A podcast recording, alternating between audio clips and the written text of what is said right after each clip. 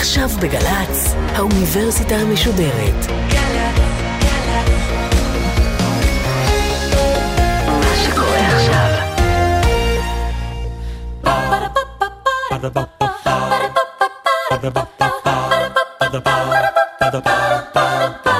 האוניברסיטה המשודרת מציגה מסע סביב רעיון, והסמסטר משחק. והפעם הדוקטור הני זובידה, ראש החוג למדעי המדינה במכללה האקדמית עמק יזרעאל על המשחק הפוליטי. עורכת ראשית מאיה גאייר.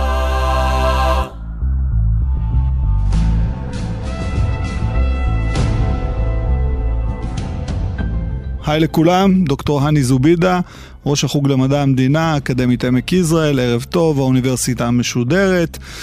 בואו נדבר היום קצת על משחקים ופוליטיקה. אה, כשחושבים על זה, השאלה הקריטית היא, מה קדם למה? משחקים או פוליטיקה או פוליטיקה למשחקים? והשאלה הזאת עולה המון פעמים. צריך לציין שבראש ובראשונה, פוליטיקה תמיד הייתה משחק. זה היה משחק של כוח, מי שולט, מי יותר חזק, מי יכול לתמרן את האחר, איזה סוג של תמרונים מדובר. והמון משחקים בעצם לקחו מן הפוליטיקה את הקונספט או את הרוח של הפוליטיקה עצמה ויישמו אותם לתוך משחקים. אה, אם אני צריך לתת דוגמה, אז אה, משחק המונופול, שכמעט כולם מכירים ואני אישית לא הכי אוהב, הוא משחק בעצם על השתלטות על נכסים של אנשים אחרים דרך שלוש פעולות מאוד בסיסיות. בראש ובראשונה רכישה, לאחר מכן מכירה, וברמה האחרונה היא בעצם התשת היריב ברמה פיננסית כדי להוציא אותו מחוץ למשחק. הפוליטיקה של משחק המונופול מתבטאת בעצם היכולת של שחקן לקבוע אסטרטגיה ולפשט אותה לרמה של טקטיקה שאיתה הוא יכול לזרוק את השחקנים האחרים מחוץ למשחק. אז יש לנו את המונופול וכמובן כל משחק אחר, כולם מכירים את משלוש יוצא אחד, ותמיד מישהו היה צועק, היי היי היי, אתם עושים סימנים אחד לשני, אתם רוצים להוציא אותי החוצה. אז משלוש יוצא אחד זה משחק של תיאום. או שאנחנו מתאמים מראש איך אנחנו מסדרים את הלוח של השלישייה ושניים מאיתנו גורמים לשלישי להיות זה היוצא אחד ואז אנחנו ממשיכים לשחק את המשחק זוג או פרד, אבן, יר ומספריים או לחלופין אין תיאום ואז המשחק הוא לחלוטין ברמה של מזל. כשזה ברמה של מזל אפשר לומר שבעצם פה נפסק המשחק ופה אנחנו הולכים להסתברות כשיש הסתברויות כאלה ואחרות והסתברות זה חלק מן המדע וחלק מן הפוליטיקה כי בהסתברות, כמו שאנחנו יודעים, כששלושה משחקים, הסיכוי לכל אחד לנצח הוא שליש. אחד בסוף ימצא את עצמו מחוץ למשחק, שניים ישחקו אחד מול השני, ואז הסיכוי לנצח הוא 50-50 אחוז. אז אם אנחנו אחרי ההקדמה הארוכה הזאת מנסים לחשוב מה קדם למה, משחקים לפוליטיקה או פוליטיקה למשחקים, חשוב לציין שאני חושב שהם שלובים אחד בתוך השני. המון מהמשחקים עברו השמשה לפוליטיקה והמון מהפוליטיקה עברה השמשה למשחקים. הרבה אנשים עושים את הדבר הזה. כשאנחנו מסתכלים על הפוליטיקה היום, הרבה אנשים אומרים, וואי, זה משחק, הפוליטיקאים נמאסו עלינו וכולי וכולי, אבל אנחנו צריכים לזכור דבר אחד מאוד חשוב ברמה הבסיסית. הפוליטיקה היא בעצם אבן יסוד שדרכה אנחנו כחברה משחקים את המשחק של הקואליציות. בין אם זה מה שאני רוצה, בין אם זה מה שמישהו אחר רוצה. בסופו של יום, במשחק הזה, דבר אחד ברור לכולנו, לאורך כל ההיסטוריה, אף אחד לא יצא מהמשחק עם כל תאוותו בידו. תמיד אנחנו נצטרך לתת משהו על מנת לקבל משהו, ולזה קוראים משא ומתן. אז ברשותכם, אם כבר uh, הסברנו את הקונספט של משחק פוליטיקה, פוליטיקה, משחק, בואו נדבר על כמה משחקים שכולנו מכירים.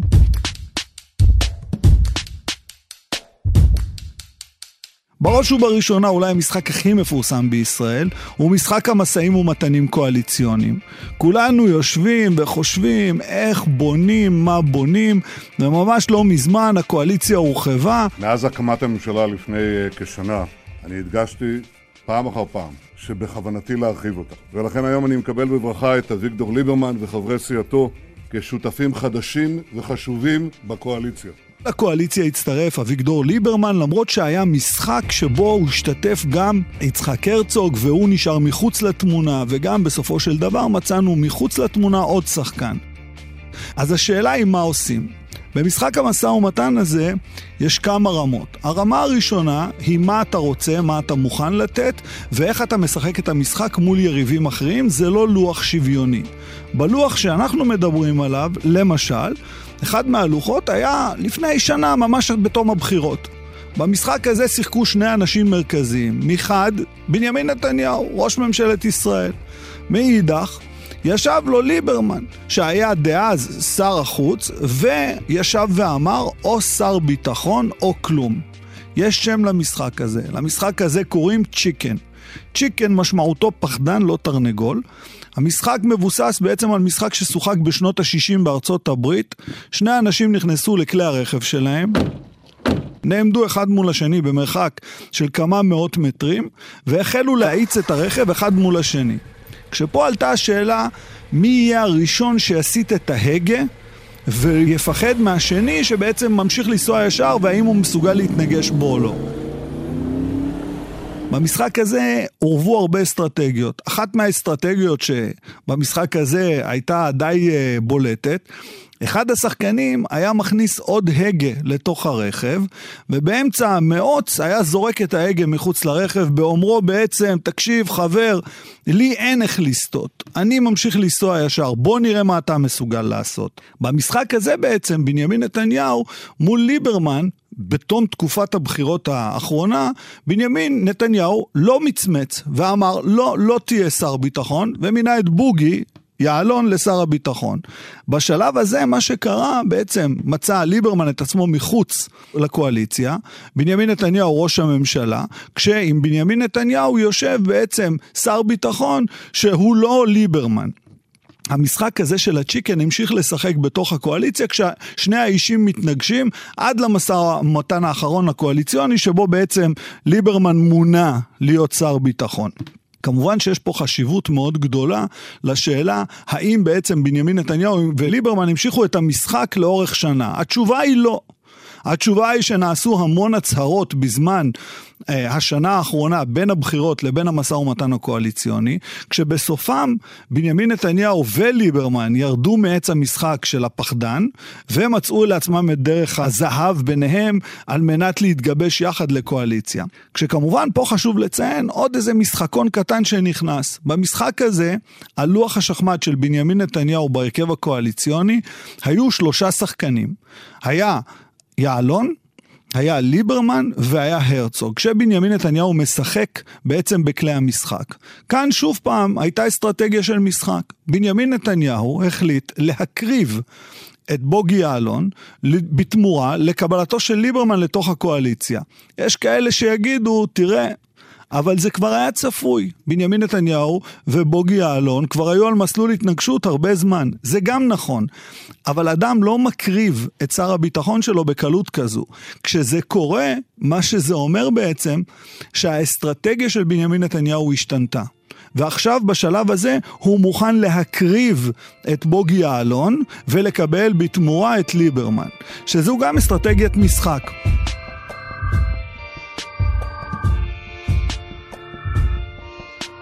אם אנחנו עוד חושבים על הסיטואציות האלה והמשחקים, אז כמובן שיש משחקים קואליציוניים שבהם הרבה אנשים כועסים מאוד על המועמדים שלהם. דוגמאות לא חסרות.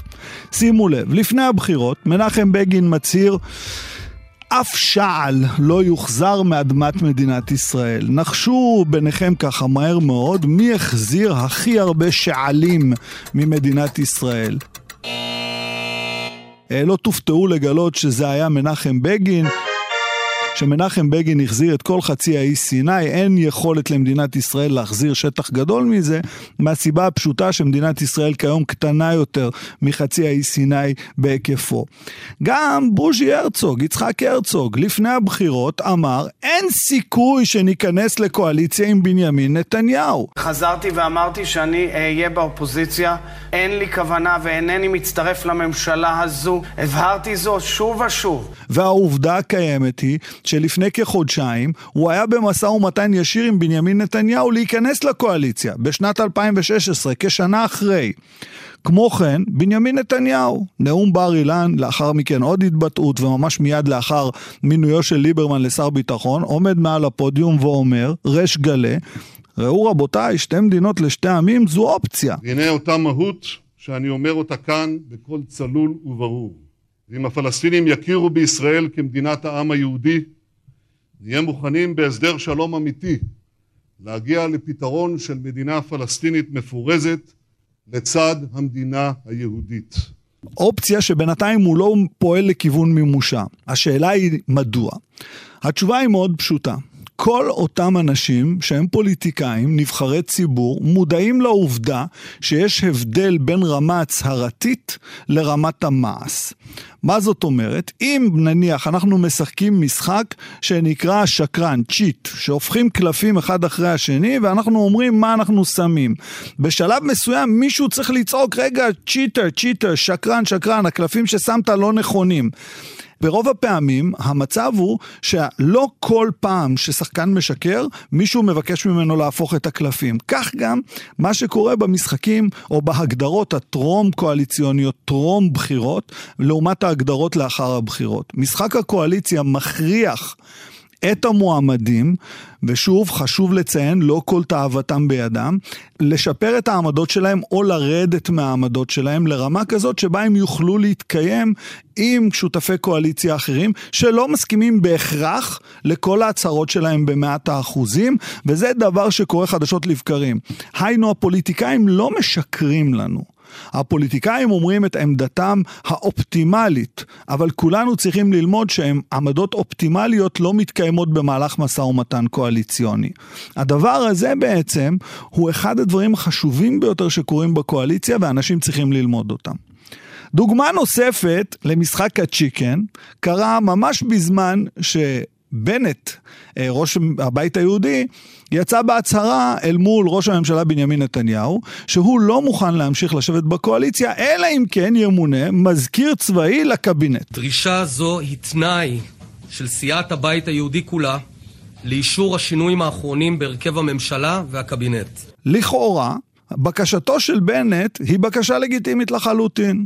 זה מנהל תקין, כשיש קבינט, הקבינט מייצג את הממשלה, אמור הקבינט לקבל סקירה ביטחונית מאדם שמשוייך לצבא, על מנת להבין טוב יותר עבור מה הם מצביעים. האם לצאת לפעולה צבאית, לא לצאת לפעולה צבאית, מה המצב וכולי וכולי.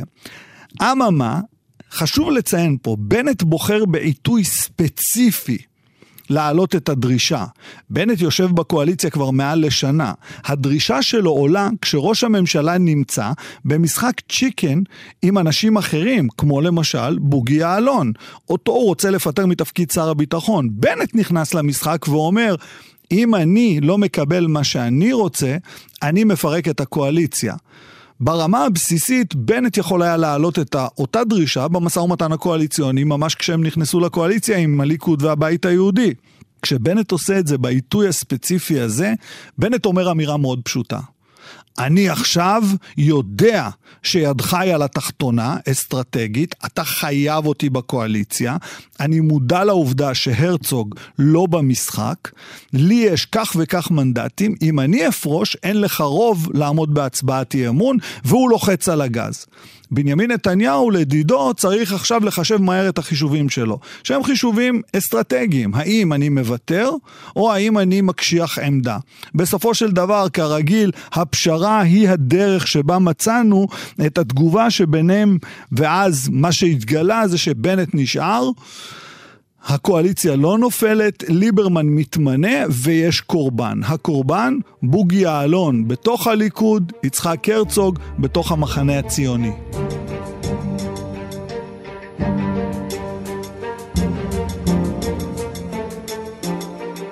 אם דיברנו על הפוליטיקה הישראלית והבנו שהמשחקים הללו נמצאים בפוליטיקה הישראלית כמעט בכל רמה, ודרך אגב, אם תבדקו גם ברמה המוניציפלית, קרוב אליכם הביתה זה קורה, ואם מישהו פה נמצא בוועד הבית, אז גם בוועד הבית אתם עושים את המשחק הזה.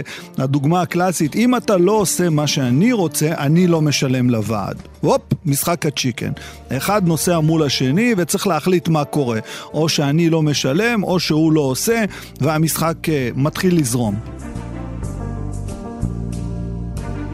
משחק נוסף זה משחק שנקרא משחק האיש המטורף, מדמן, או בעברית תפסו אותי. מה זאת אומרת? כולם מכירים את המשחק הזה של אותו מטורף שעולה לגג ועומד וצועק תפסו אותי, תפסו אותי או שאני קופץ. הסרט, אולי המפורסם ביותר שהמשחק הזה נמצא בו זה הארי המזוהם, עם קלינט איסטווד.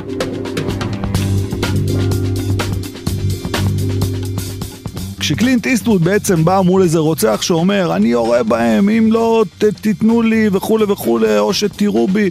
וקלינט איסטווד באדישות רבה מוציא את האקדח יורה בו ואז אומרים לו מה אתה עושה? אתה לא נורמלי מה אתה יורה בו? ואז הוא אומר הוא ביקש שנירה בו יריתי בו.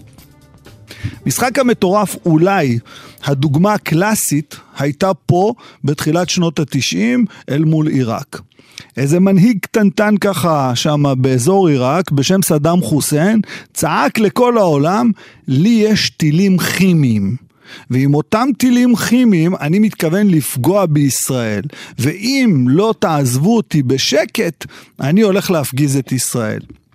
כמובן שברמה הזו קשה מאוד קשה מאוד לקחת את הריזיקה שאולי יש טילים כימיים. אבל שימו לב מה קרה, בעוד סדאם צועק יש לי טילים כימיים, מדינת ישראל כולה התחמשה בניילון, אקונומיקה, סמרטוטי רצפה וחדרים אטומים, והאמריקאים פלשו לתוך עיראק על מנת איכשהו לתפוס את הרודן ולהרגיע אותו. ובכן מלחמה בעיראק. ארה"ב בתיאום עם השותפות בקואליציה החלו לפעול כדי לכפות את החלטת מועצת הביטחון של האו"ם וכאמצעי זהירות, זאת הודעה של דובר צה"ל, מתבקשים אזרחי המדינה להישאר בבתים, לפתוח את ערכות המגן ולהשאיר אותם בהישג יד. מה אומר המשחק? המשחק בעצם מציב שתי דמויות מרכזיות. דמות אחת שטוענת שהוא חסר היגיון בסיסי, שהוא מוכן לעשות הכל על מנת לנצח במשחק, כולל, יכול להיות, השמדה שהיא השמדה דו צדדית. אני אשלח טילים כימיים על ישראל, מתוך הסכנה שיקרה ויפגע טיל כימי בישראל, יש סיכוי שגם אני אופצץ בנשק לא קונבנציונלי. במקרה דנן, אפשר להגיד, לשמחתנו, לא היו טילים כימיים לסדאם, אבל כולנו זוכרים את אותם ימים בהם אנחנו התרוצצנו בין חדרים אטומים לבין פאניקה מוחלטת כשכולם רצים לכיוון ירושלים ואילת והעורף הוא החזית וכולי וכולי. המשחק מבחינתו של סדאם שוחק בצורה האולטימטיבית. הוא הצליח להגדיר את עצמו כמישהו בעל אולי יכולת כימית, כשמולו עמדו הכוחות האמריקאים שניסו בשלב מסוים לשמור על סביבה סטרילית בישראל.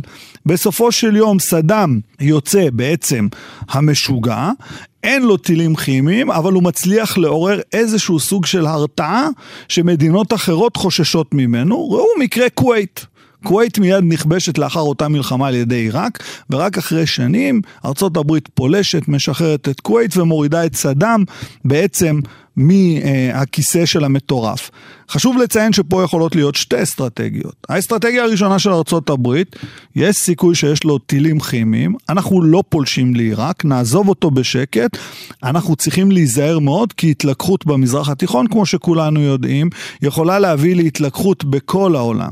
מצד שני, ארצות הברית יכולה להגיע להחלטה, לא, אי אפשר לתת לאדם לאיים על העולם ועל המזרח התיכון בטילים כימיים, הרי שזהו קזוס ביילי, עילה למלחמה, ועל כן יש לנטרל אותו במקרה ויש לו יכולות כימיות לנטרל אותם מהר ככל האפשר, ואם אין לו יכולות כימיות, לנטרל אותם על מנת שלא יוכל להשיג לא יכולות כימיות ולא יכולות לא קונבנציונליות כאלו או אחרות.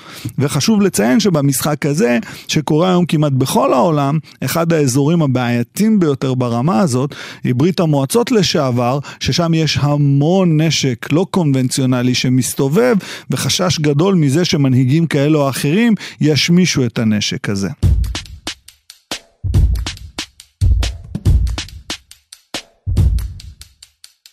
משחק האחרון שאני רוצה לדבר עליו, זה אולי המשחק שהתחלתי איתו. משלוש יוצא אחד. התפיסה של משלוש יוצא אחד היא תפיסת התיאום. מה קורה בתיאום?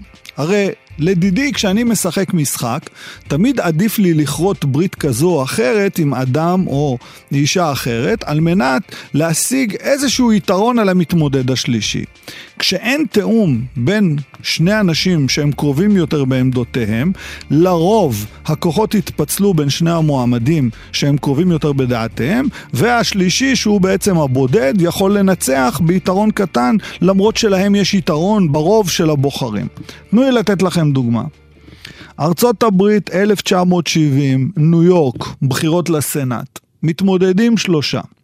מתמודד ג'יימס בקלי שהוא מועמד שמרני ביותר, מתמודד ריצ'רד אוטינגר שהוא מועמד דמוקרטי, ומתמודד צ'ארלס גודל שהוא רפובליקני. ניו יורק היא עיר להזכירכם סופר דמוקרטית, המדינה קצת פחות, אבל ברוב המדינה הרוב הוא די דמוקרטי סלש רפובליקני, בטוח לא קונסרבטיבי, שאלו הם השמרנים. באותו uh, קמפיין בניו יורק, מה שקורה, בעצם הרפובליקני, צ'ארלס גודל, שהיה או מונה למושב על ידי המושל בזמנו רוקופלר, מגיע להתמודד במרוץ אל מול המועמד הדמוקרטי כביכול. שימו לב, ביניהם הם חולקים בערך כ-70% מהקולות. לעומתם לקונסרבטיבי יש רק 30% מהקולות. במרוץ הסופי מה שקורה, היות ולא היה תיאום בין הרפובליקנים לדמוקרטים, מי שמנצח לראשונה בתולדות ניו יורק, ולאחרונה דרך אגב, בפעם האחרונה, זה המועמד השמרן שהוא בעצם ג'יימס בקלי. חוסר התיאום בין הדמוקרטים לרפובליקנים הפיל את ניו יורק למועמד, לסנאטור בעצם, שהיה לחלוטין אדם שלא שיקף את העמדות של הרוב בניו יורק. אם נחשוב על זה ברמה יותר נמוכה, אז בואו נסתכל על העיר ניו יורק עצמה. העיר ניו יורק היא ידועה כעיר שבה יש רוב מוחלט למצביעים דמוקרטיים. אבל אם נביט על ראשי עיריית ניו יורק, בשנים האחרונות, החמש קדנציות האחרונות לפני בלזיו, היו של הרפובליקנים. ג'וליאני, ולאחריו בלומברג, יהודי, תושב העיר, שידוע בתור דמוקרט, אולם רץ עם המפלגה הרפובליקנית. עולה השאלה, איך יכול להיות שמצביעים דמוקרטים בעיר דמוקרטית בסופו של יום מפסידים בבחירות המוניציפליות למועמד רפובליקני ומצליחים לנצח רק זה מכבר עם בלזיו לראשות עיריית ניו יורק? הסיפור הוא מאוד פשוט. ההתמודדות בין הדמוקרטים בפריימריז למשרת או למועמד ראשות עיריית ניו יורק מביאה לקיטוב בין הקבוצות הדמוקרטיות. לרוב, נציג לבן מתמודד מול נציג שחור, משסע את הקהילה הדמוקרטית, ואז המנצח שמצליח להגיע לשלב שבו הוא מתמודד על ראשות העירייה, לא מקבל את הקולות של המועמד שהפסיד לו. היינו, בוא נניח, ג'וליאני מתמודד, זוכה במינוי הרפובליקני, בפריימריז הדמוקרטים מתמודדים איש לבן מול איש שחור. האיש הלבן מנצח בפריימריז, לא מקבל את קולות השחורים לראשות העירייה. חסר לו כמות קולות אדירה על מנת להתמנות לראשות העירייה, מפסיד לג'וליאני. דה בלזיו עושה שינוי. דה בלזיו כורת בריתות אחת אחרי השנייה עם המועמדים מולו במפלגה הדמוקרטית, מצליח להגיע כמועמד מוסכם לראשות העירייה, נכון, ראש העירייה בלומברג לא התמודד בבחירות, מה שנקרא בחירות עם כיסא פתוח, אך דה בלזיו הוא ראש העירייה הדמוקרטי הראשון מזה שני עשורים בניו יורק, עיר שהיחס בדמוקרטים לרפובליקנים הוא שמונה לשתיים, שזה בעצם משחק של תיאום קלאסי, שבו בעצם יש הפסד. של המפלגה בעלת הרוב בעיר למפלגה שהיא מיעוט בעיר. וזה חשוב לציין, וזה משחק מאוד חשוב. נושא אחרון לפני הסיכום ולפני שאנחנו אומרים להתראות, אה, הוא נושא אה, שבעצם מדובר בו רבות במדינת ישראל, וזו השאלה של איזה רשות היא חשובה יותר ומה קורה בטווח הפרדת הרשויות, או לדוגמה, השאלה הקריטית, איך קרה שבית המשפט העליון הפך ליותר ויותר דומיננטי. רבים נוהגים לשייך את העובדה שבית המשפט הפך להיות יותר דומיננטי לראש בית המשפט העליון, או נשיא בית המשפט העליון בתקופתו, אהרון ברק. אולם, בניתוח שנעשה על ידי פרופסור אסף מידני, אנחנו מגלים שבעצם מה שקרה היה מאוד פשוט. נוצרה איזושהי אתנחתה בקרב הפוליטיקאים בשנות ה-80, והראו שיש ירידה ברמת הייצור של קבלת ההחלטות של המערכת הפוליטית. מה שנקרא בשפתנו ואקום, ריק. לא מקבלים החלטות. לתוך אי קבלת ההחלטות של הפוליטיקאים, אנשים ניסו לקבל איזושהי מדיניות שתייצג אותם טוב יותר. בשלב הזה, בית המשפט העליון הגיעו לפתחות תיקים, בהם הוא נתבקש להכריע הכרעות שבדרך כלל היו בידיו של הפרלמנט. בית המשפט העליון אין לו הסמכות מעוגנת בחוק לקחת החלטות על חקיקה של הפרלמנט. בשלב הראשון, העשייה של בית המשפט העליון לא התמקדה ב... החלטות כנגד חקיקות. בעצם הפסיקה של בית המשפט העליון, מה שהיא עושה, היא באה להחליף את הכנסת כמייצרת מדיניות ציבורית או קובעת דרך או מתווה שביל שבה ניתן לצעוד לעבר מדיניות ציבורית שלא קיימת בשלב זה. אולם, בשלב מסוים, הרי אף אחד לא יוותר על הטריטוריה שלו. בחשיבה של משחק, הטריטוריה מסמלת איזשהו מושג חשוב מאוד. ברגע שהפוליטיקאים מבינים שחלק מהסמכויות שלהם נלקחות על ידי בית המשפט העליון, מתחיל עימות חזיתי בין שני המוסדות. על בג"ץ צריך להרים כף של טרקטור D9, ואנחנו כמערכת מחוקקת נדאג לרסן את... Uh, השלטון המשפטי במדינה את הזנב שמקשקש בכלב ונדאג באופן ערכי וצודק שבישראל תשלוט הכנסת והממשלה והרשות השופטת תדע את מקומה. הדוגמאות הקלאסיות, מחד יש לנו את אהרון ברק, יש לנו את חשין, יש לנו את אהוד ברק, שמגנים על בית המשפט העליון. מצד שני, יש לנו קבוצה אחרת של אנשים שבאה ולא מסנגרת על תפקיד בית המשפט העליון. הטענה שלהם הבסיסית היא שבית המשפט העליון חודר לתוך טריטוריה שהיא מסומנת כטריטוריה פוליטית. מי הם אותם האנשים? פרידמן, נתניהו, שקד, והטענות הבסיסיות הן, רגע רגע, אלו הם לא כללי המשחק. יש צד מחוקק ויש צד שופט. בית משפט עליון מעולם לא קיבל את הסמכות לחוקק. בעצם על ידי הפסיקה שלו הוא הופך למחוקק. התיאוריה במדע המדינה נקראת Theory of Moves, תיאוריית הצעדים.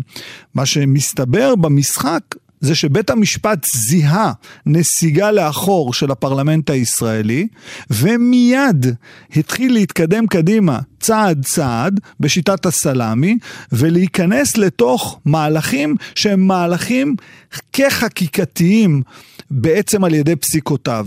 בשלב הזה, והתוצאה היא היום, אנחנו רואים עימות חזיתי בין בית המשפט העליון לבין הפרלמנט, כשיש משני הצדדים אנשים שתומכים בבית המשפט העליון, ויש משני הצדדים אנשים שתומכים במערכת הפוליטית. בסופו של יום, מה שיקבע את האיזון בין שני המוסדות החשובים האלו לחברה הישראלית, זה היכולת שלהם להגיע למשא ומתן, והנה אנחנו מתקשרים שוב פעם לתחילת השיחה, ולהבין שאף גוף לא יצא עם כל תאוותו בידו. שניהם צריכים להתפשר על מנת למצוא את שביל הזהב, שיוכל לתת לשניהם לתפקד בצורה מושלמת, ולהמשיך את הקיום של שני המוסדות בד בבד. אם כך, דיברנו על המון, דיברנו על משחקי תיאום, דיברנו על משחקי פחדן, דיברנו על הקרבת כלים, דיברנו על אסטרטגיות, דיברנו על טקטיקות. אבל בסופו של יום, במה אנחנו עוסקים? אנחנו עוסקים באותם אנשים שאני ואתם בוחרים לכנסת קרוב לוודאי פעם בשלוש שנים, מתוך מטרה שיהפכו את החיים במדינה שלנו לטובים יותר. אנחנו כועסים עליהם, אנחנו אוהבים אותם, אנחנו מרגישים קרבה אליהם, לחלק אנחנו מרגישים קצת פחות קרבה, אבל בסופו של יום זה הגוף המחוקק במדינת ישראל, כשהוא עובד מול ארגונים שונים. המשחקים האלו לא נועדו לומר שהפוליטיקה היא משחק של ילדים קטנים. המשחקים האלו נועדו לומר, פיקחו עיניים, שימו לב, היו קצת יותר תבוניים. אל תצאו בהצהרות, לא נגד ולא בעד, לא מתוך רגש כזה או מתוך רגש אחר. נתחו את המשחק. הסכיתו, לימדו, השכילו וראו מה קורה מולכם. הצהרות, טרום בחירות, קרוב לוודאי שלא ימומשו במלואן במצב הקואליציוני לאחר הבחירות.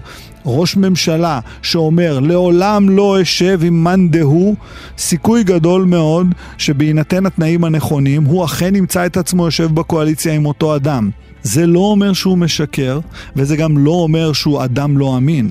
מה שזה אומר הוא שבתוך המשחק הפוליטי, שהוא המשחק שכולנו נשענים עליו בחיי היומיום, יש דברים משתנים, ואנחנו חייבים ללמוד איך לקבל אותם ואיך לנתח אותם בצורה נכונה.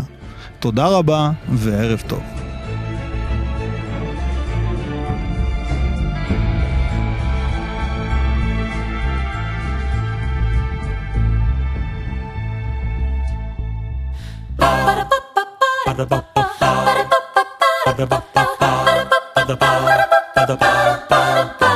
האוניברסיטה המשודרת, מסע סביב רעיון. הדוקטור הני זובידה, ראש החוג למדעי המדינה במכללה האקדמית עמק יזרעאל על המשחק הפוליטי. אורחות ומפיקות דרור שדות ואחינועם קפון. ביצוע טכני נועם נויפלד. מפיקה ראשית אביגיל קוש. מנהלת תוכן מאיה להט קרמן. עורך דיגיטלי נדב הלפרין. האוניברסיטה המשודרת, בכל זמן שתרצו, באתר וביישומון של גל"צ וגם בדף הפייסבוק של האוניברסיטה המשודרת.